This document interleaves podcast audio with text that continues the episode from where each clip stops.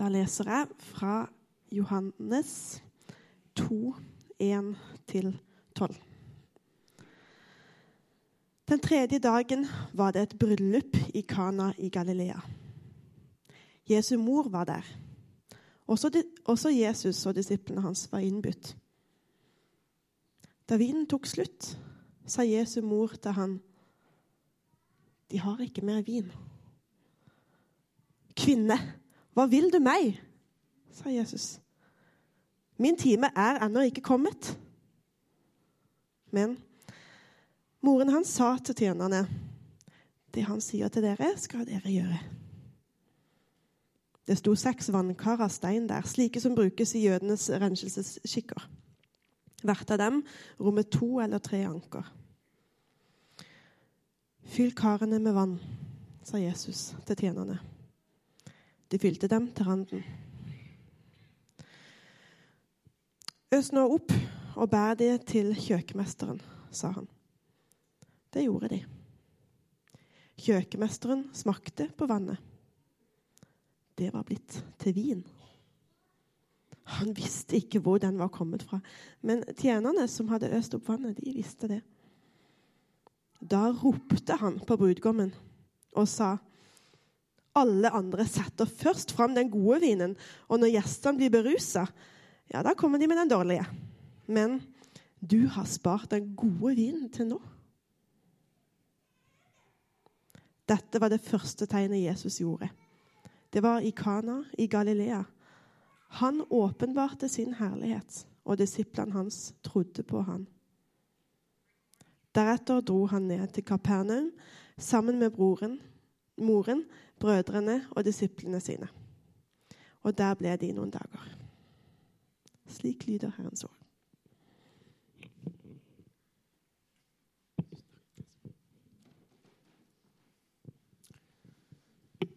Ja, som dere hørte, så heter jeg Tore. Um, og jeg jobber her i Misjonskirka. Uh, men jeg har begynt å kalle dette for Dansekirka. Fordi vi begynte året her med profetisk dans. Jeg vet ikke om dere vet hva det er, men det, da var alle her og dansa i hele salen. Det var et vilt party. Uh, og så har vi hatt et bryllup her, hvor uh, to av de som går i kirka her, har gifta seg. Eh, så det var stort. En liten klapp for det for Elisabeth og Thomas. Så det er stort. Så i dag passer det godt at vi skal snakke om en fest eh, og en bryllupsfest. Jeg syns alltid denne historien om Jesus som gjør vann til vin, er litt sånn vanskelig å forstå. Jeg skjønner ikke hvorfor Jesus begynner sitt virke og sine mirakler med et mirakel hvor han liksom passer på at en fest som holder på å gå i oppløsning eller kan gå galt, at han fikser den festen. Det er liksom sånn Whoop-de-doo, du fiksa en fest.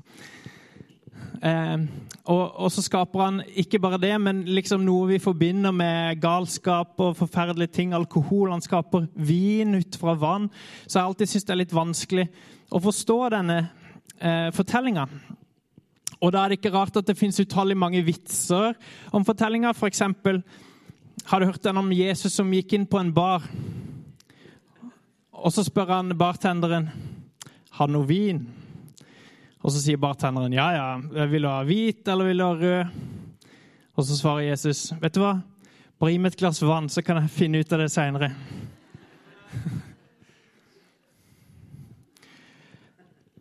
Og så må jeg bare beklage til de av oss som er avholdsfolk. Eh, det er litt vanskelig å unngå å snakke om alkohol og vin når hele fortellinga handler om vin. Eh, så det er det det handler om i dag. Men hvis vi syns at denne fortellinga er litt rar Kanskje det er fordi vi har et litt rart bilde av Jesus. Når du tenker på Jesus, hva, hva tenker du da? Hva ser du for deg? Kanskje du ser for deg noe sånn som dette her. Et symbol, et ikon. Eh, en mann med et sånt distansert blikk i øynene, som står og gjør mystiske tegn med fingrene og holder en svær bok i hånda. Kanskje du tenker på noe sånt? Har en glorie rundt hodet. Eller kanskje du ser for deg en læremester i hvit skjortel på tempelplassen som belærer selv de mest vise mennene med skjegg. Er det den Jesus du ser for deg? Eller ser du for deg en hyrde som er god og snill og tar vare på alle barna og tar vare på deg? Jeg tror ikke det er noe galt i å tenke det om Jesus. Jeg tror ikke det er noe galt i å tenke disse andre tingene om Jesus. Kanskje Jesus har mange aspekter, akkurat som jeg har mange aspekter. Og Hvis du møter Tore på fest, så er han litt annerledes enn når du møter Tore i kirka eller andre steder, men jeg er den samme person. Så jeg tror det er et bilde til vi må få inn i hodet vårt. For på Jesu tid så forventa de visse ting av Jesus og andre religiøse lærere. Eh, de forventa at han skulle leve på en viss måte, snakke på en viss måte, og at disiplene hans skulle være på en viss måte. Så Derfor så begynte folk å kalle han for en storeter og vindrikker, som et skjellsord, og at han var venn med tollere og syndere. De likte ikke måten Jesus oppførte seg på, de likte ikke hvem han hang med, eh, så de begynte å, kalle han for en storeter og vindrikker. Så måten Jesus lever på Hvis du hadde møtt Jesus i dag i Oslo i 2023, hadde du blitt overraska, kanskje? Kanskje Jesus ikke er den du forestiller deg at han er? Hadde vi gjenkjent Jesus om vi møtte han i dag? Hadde vi gjenkjent Jesus om vi møtte han på fest?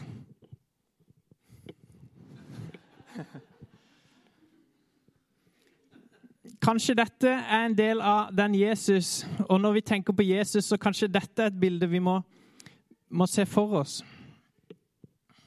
Jeg tror nemlig at Jesus elsker å feste. Og Derfor har jeg kalt han for festløven Jesus. Og det er det jeg skal snakke om i dag. For jeg tror ikke Jesus bare kom for å dø for oss, men for å gi oss et nytt liv i fest og feiring Eh, og ikke bare det, men peke fram mot en enda større fest. Så i dag skal vi se på tre ting. Vi skal se på hva dette mirakelet vin til vann betyr, eh, vann til vin betyr, som et svar på en bønn. Vin som et tegn på død og liv, og vin som et tegn på evig fest. Så svar på en bønn. Hvor skjedde dette egentlig? Jo, det skjedde Sånn her så Israel ut back in the day. Da var Israel på en måte, dagens Israel delt i tre. Og du hadde Galilea i nord, og så var Jerusalem og sånt nede i Judea nede i sør. Men i Galilea, det var der Jesus vokste opp, i en by som het Nasaret. Og Der bodde han sammen med Maria sin mor og Josef sin far. Og så rett ved siden av Nasaret, i nærheten der et sted, Kanskje det var akkurat her. Eh, så hadde vi en by som het Kana. Og det er her bryllupet finner sted. Jesus har akkurat blitt døpt og, og samla noen disipler litt lenger sør for Nasaret. Og når han kom tilbake opp til Galilea, til Kana, for å feire bryllup sammen med sannsynligvis slekta si, så sannsynligvis var Maria der som en slags catering service for å hjelpe til med å lage mat og skaffe drikke. Eh, og så var de på fest her, og de inviterte gjerne hele bygda. Og det var massevis av folk. Det var en stor fest, og denne festen kunne vare en uke. Så da måtte man ha mye vin. Det var utrolig mye vin på en sånn fest som dette var. Selv om de var i okkupert land. Dette var under okkupasjonen av romerne som hadde kommet for å ta landet. Det var store, høye skatter. Men allikevel så gjorde de alt de kunne for å samle penger for å lage en stor fest med mye vin. Og som vi leste i fortellinga, så serverte de gjerne den beste vinen først. Og så, når folk begynte å bli berusa, det er det som står i teksten, så, så, de, så, smakte det ikke så mye forskjell mellom den gode og dårlige, så der, dermed serverte de den dårligere vinen etter hvert. Um, men hvis det gikk tomt for vin, da var det totalt krise. Så det er derfor Maria tar ansvar. Og så går hun til Jesus, sin sønn, og så sier hun de har ikke mer vin.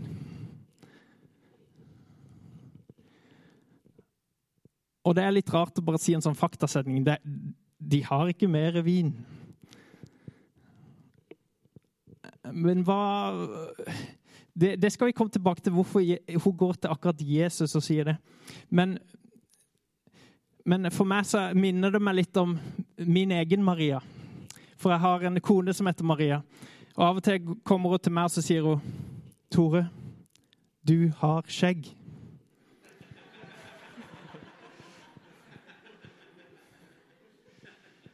Eller så kommer hun til meg og sier hun, 'Tore, søpla er full'. Og da vet jeg hva det betyr. Det betyr at noe må skje. Hun forventer en reaksjon, hun har forventninger. Og Det samme tror jeg Maria har her. Hun kommer til Jesus med en forventning om at noe skal skje. Om at Jesus skal gjøre noe med problemet. Akkurat som skjegget er mitt problem. Men jeg tror at hun stolte på Jesus. Hun var vant til at Jesus ordna opp og fiksa ting. Men jeg tror allikevel ikke at hun visste at Jesus skulle svare henne med et mirakel. Og hvorfor tror jeg ikke at hun forventa et mirakel? Jo, fordi det sto dette var det første tegnet som Jesus gjorde. Og Det interessante med ordet 'tegn' her er at det blir brukt syv ganger i Johannes evangeliet. Og tegn i Johannesevangeliet betyr at dette mirakelet ikke bare er et mirakel som betyr noe i seg sjøl, men at det peker mot noe større. Så det er et frempek mot noe større som skal skje. Så hva er dette et tegn på? Det er da vi kommer til at det er et tegn på død og liv.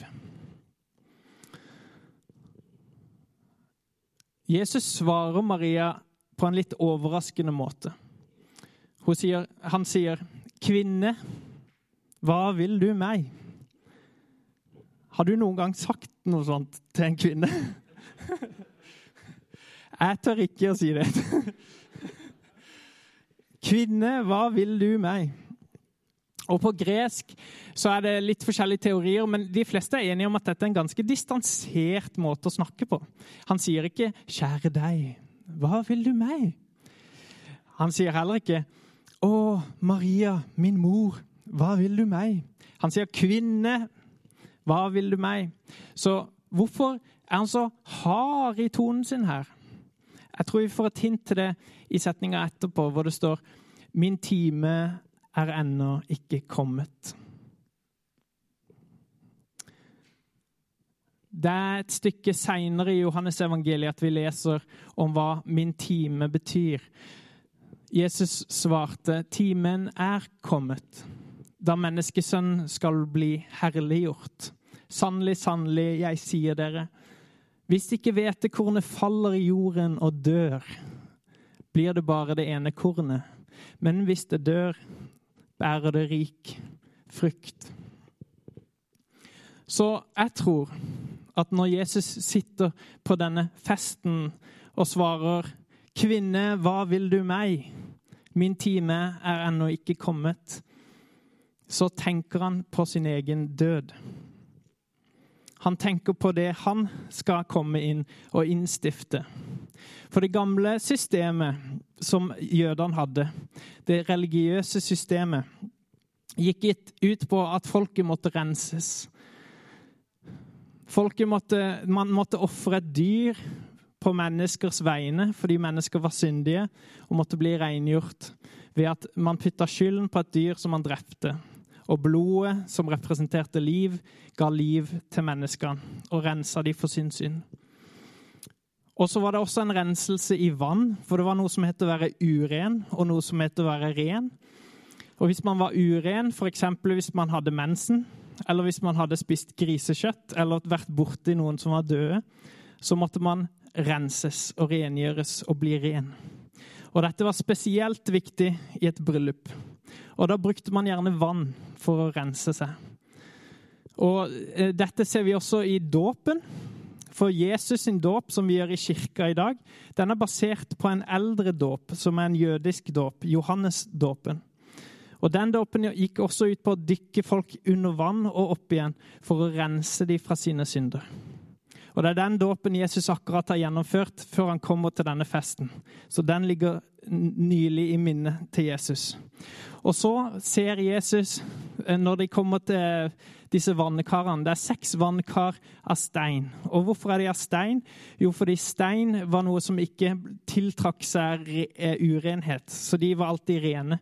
Så dermed kunne man beholde rent vann oppi der. Og man kunne vaske tallerkener, man kunne vaske føtter. Det var veldig vanlig å vaske føtter og hender eh, før man skulle inn på bryllupsfesten. Det var veldig viktig at alle var rene i et bryllup, for det var en stor handling foran Gud hvor man måtte være ren. Og hvert av disse romma to eller tre anker. Vil si, til sammen var det kanskje 600 liter som ble fylt opp. Eh, og det var en stor mengde vann fordi det var en stor mengde urenhet. Og hva gjør Jesus med disse karene? Jo, han sier 'fyll de opp'. Fyll de opp med vann. Så de går sannsynligvis til brønnen, for det ordet som blir brukt om å ta opp, det, det brukte de også om å ta opp fra brønnen. Så sannsynligvis går de og henter vann, fyller opp disse med 600 liter vann, helt til de er helt fulle. Og hva skjer da? Jo, hvis disse seks steinkarene representerer loven og det gamle renhetssystemet til jødene, så fylles de opp, og dermed fyller de opp kravene til renhet. Og det er det Jesus også gjør. Han fyller kravene til Guds lov. Jesus er det eneste mennesket vi vet om som har fylt Guds lov, som har klart å leve etter loven, som har klart å leve etter loven som er skrevet i hjertene våre, som klarer å leve ut det som Gud befaler. Og hva skjer når han oppfyller dette? Når han fyller opp disse karene? Eh, og, og, på samme måte som Jesus fyller loven? Jo, det forvandles. Det forvandles til vin. Så vannet som nå er blitt fylt i disse karene, blir vin, akkurat som Jesus oppfyller loven og dør og lar sitt blod renne. Jeg tror Jesus sitter på denne festen og så tenker han tilbake på alle ofrene som er blitt gjort. Alle offerlammene, alt blodet som har rundet for folket sitt. Som ikke egentlig har gjort de rene, men som har vært et frampek mot Jesus. Jeg tror han har tenkt på alle de som har latt seg døpe i vann med Johannes dåpen alt vannet som er blitt brukt til å rengjøre folk. Og ja, det har rensa utsida av kroppen deres, men det har ikke virkelig forandra hvem de er. Jeg tror han tenkte tilbake på Moses, som var i Egypt. Og gjennom Guds kraft så ble vannet i Nilen gjort om til blod, som en straff for at de ikke klarte å leve opp til det Gud befalte dem. Men så kommer Jesus nå og gjør vann om til vin istedenfor. Og gir liv til mennesker og liv til en fest. Så der Moses ga straff og dom, så kommer Jesus og gir liv og et nytt, et nytt liv og en stor fest. Så det tror jeg Jesus tenkte på. Og mange andre sånne symbolikker som, som du ser gjennom denne fortellinga gang på gang. Nå skulle man ikke lenger bare vaske utsida av kroppen, men bli forvandla på innsida. Man skulle kunne ta Jesu blod, akkurat som vi gjorde nå i stad med nattværen, og drikke det og få det på innsida av kroppen og bli forvandla. Når du drikker vin, hva skjer da? Du blir glad. Noe skjer med deg. Du forvandles. Eh, du skaper en fest. Det er sånn Jesus gjør når vi tar imot Jesus, så blir livet vårt forvandla. Vi går fra å ha et steinhjerte til å få et kjøtthjerte.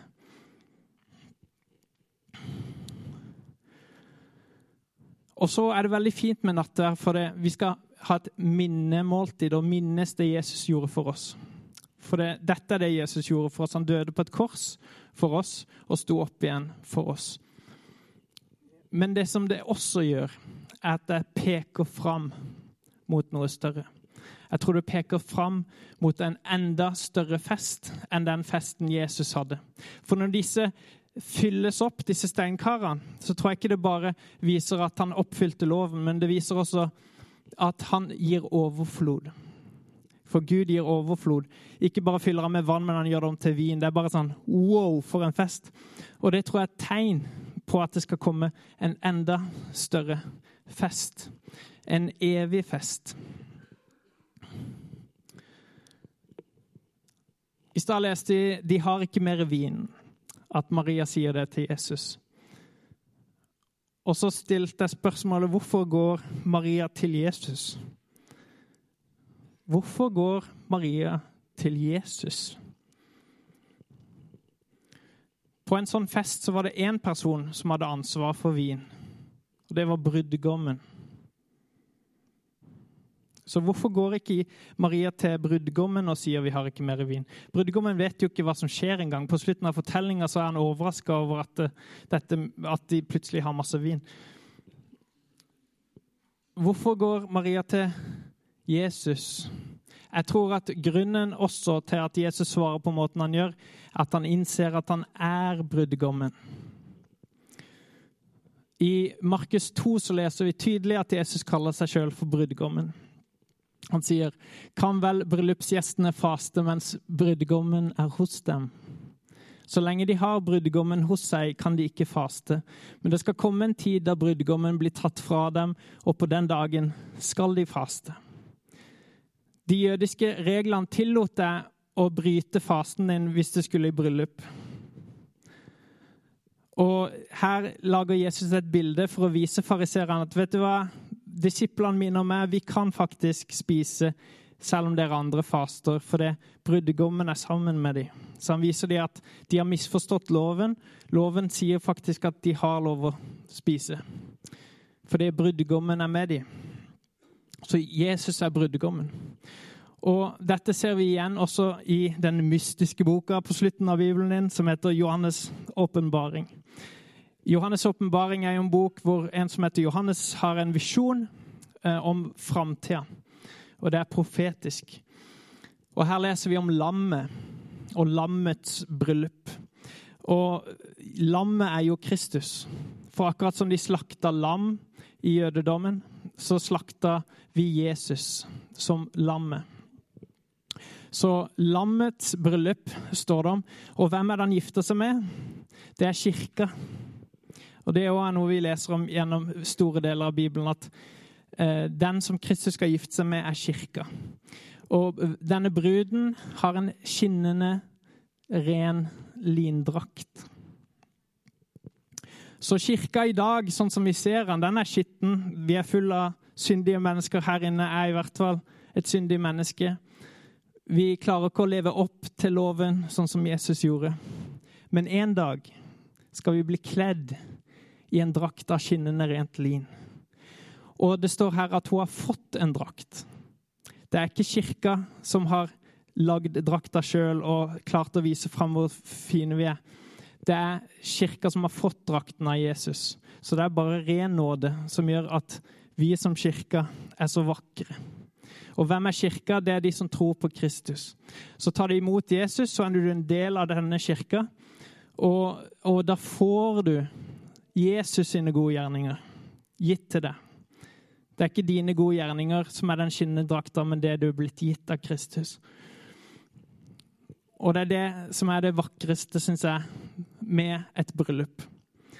Det er ikke selve bryllupet. Det er veldig flott, det også. Se to mennesker som velger å være sammen. Men det er denne, det, det er et bilde på det er også profetisk. Det peker mot et større bryllup. Dette bryllupet som lammet og kirka skal være en del av. Hvor lammet gifter seg med kirka fordi kirka har blitt gjort ren. Og i mitt eget bryllup så gifta jeg meg med Maria. Jeg vet jeg har sagt det nå ganske mange ganger. jeg er litt stolt av det, da. Men når jeg gifta meg med Maria, så måtte jeg si fra meg mitt gamle liv. Jeg måtte ikke bare leve for meg sjøl lenger. Jeg måtte gi eh, frihet for å kunne gifte meg. Men jeg fikk en bestevenn for livet mitt, og jeg fikk en stor glede. Så det er et slags bytte der. Og det samme er det når vi gifter oss med Kristus. Vi blir bedt om å legge ned alt for Kristus. Økonomien vår, seksualiteten vår, våre meninger om ting. Vi blir bedt om å legge det ned. Men vi får så mye mer igjen. Vi får fullkommen glede. Og det er i hvert fall et sted som sier alt det jeg sa nå, veldig tydelig. Det er Johannes 15. Bli i min kjærlighet, sier Jesus. Hvis dere holder mine bud, blir dere i min kjærlighet, slik jeg har holdt min fars bud og blir i hans kjærlighet. Dette har jeg sagt dere for at min glede skal være i dere, og deres glede kan bli fullkommen. Så her ser vi at endemålet med alt dette her er ikke at vi bare skal bli rene, men det er at vi skal få fullkommen glede. Og man får ikke denne fullkomne gleden ved å søke glede direkte. Det er mange som sier at meninga med livet er å bli glad og lykkelig. Og så prøver de å gi deg bare gjør sånn og sånn og sånn, så blir du lykkelig. Men det er ikke sånn man får lykke.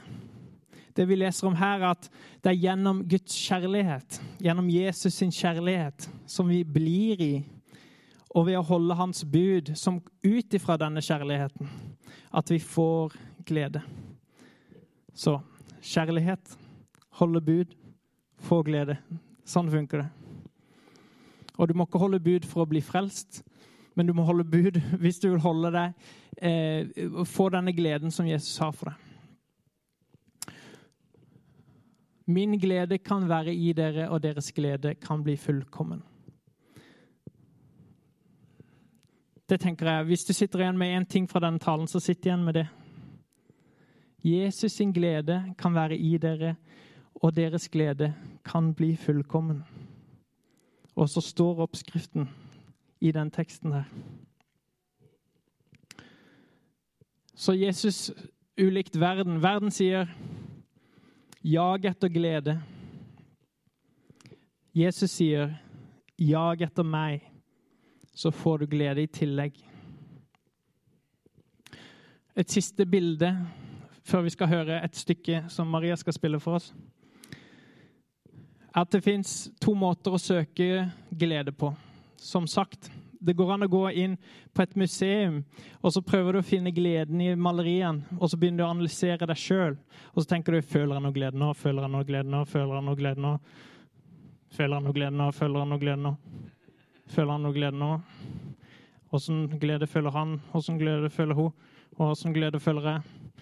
Da får du ikke så mye glede, da hvis du bare analyserer deg sjøl og dine følelser og hva du har å komme med. Men det fins en annen måte å gå inn på et museum. Du kan gå inn på et museum, og så kan du stille deg foran et maleri. Og så kan du legge merke til de store detaljene. Himmelen, huset, hva enn du ser i dette bildet. Og så kan du legge merke til kontrastene, skyggene, fargene så kan du tenke Hva var det den som malte dette, tenkte når de malte det? Hva har de vært igjennom? Så bare analyserer du bildet, lever deg inn i bildet. Vi ønsker å nesten bli en del av bildet. Og da kommer gleden. Jeg tror det er når du glemmer deg sjøl og ikke står og bare tenker på hva føler jeg nå, og du lever deg inn i noe annet. Det er da du kan kjenne på glede.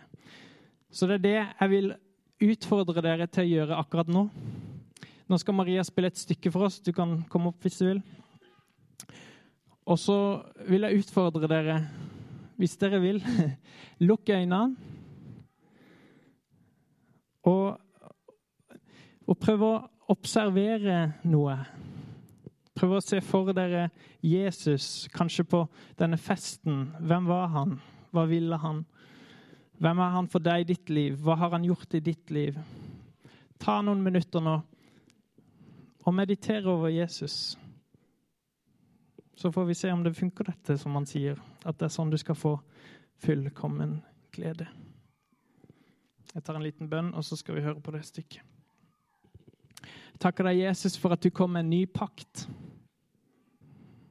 Vi lever ikke for å gjøre gode gjerninger, og dermed blir vi bra nok for deg, Jesus. Vi lever i ditt blod, for det er du ofrer alt for oss. Takk for at vi har fått et nytt liv. Vi kan få et nytt liv. Du tilbyr det til oss. Takk for at du skaper vin av vann, og du skaper fullkommen glede i oss som tror på det. I Jesu navn. Amen.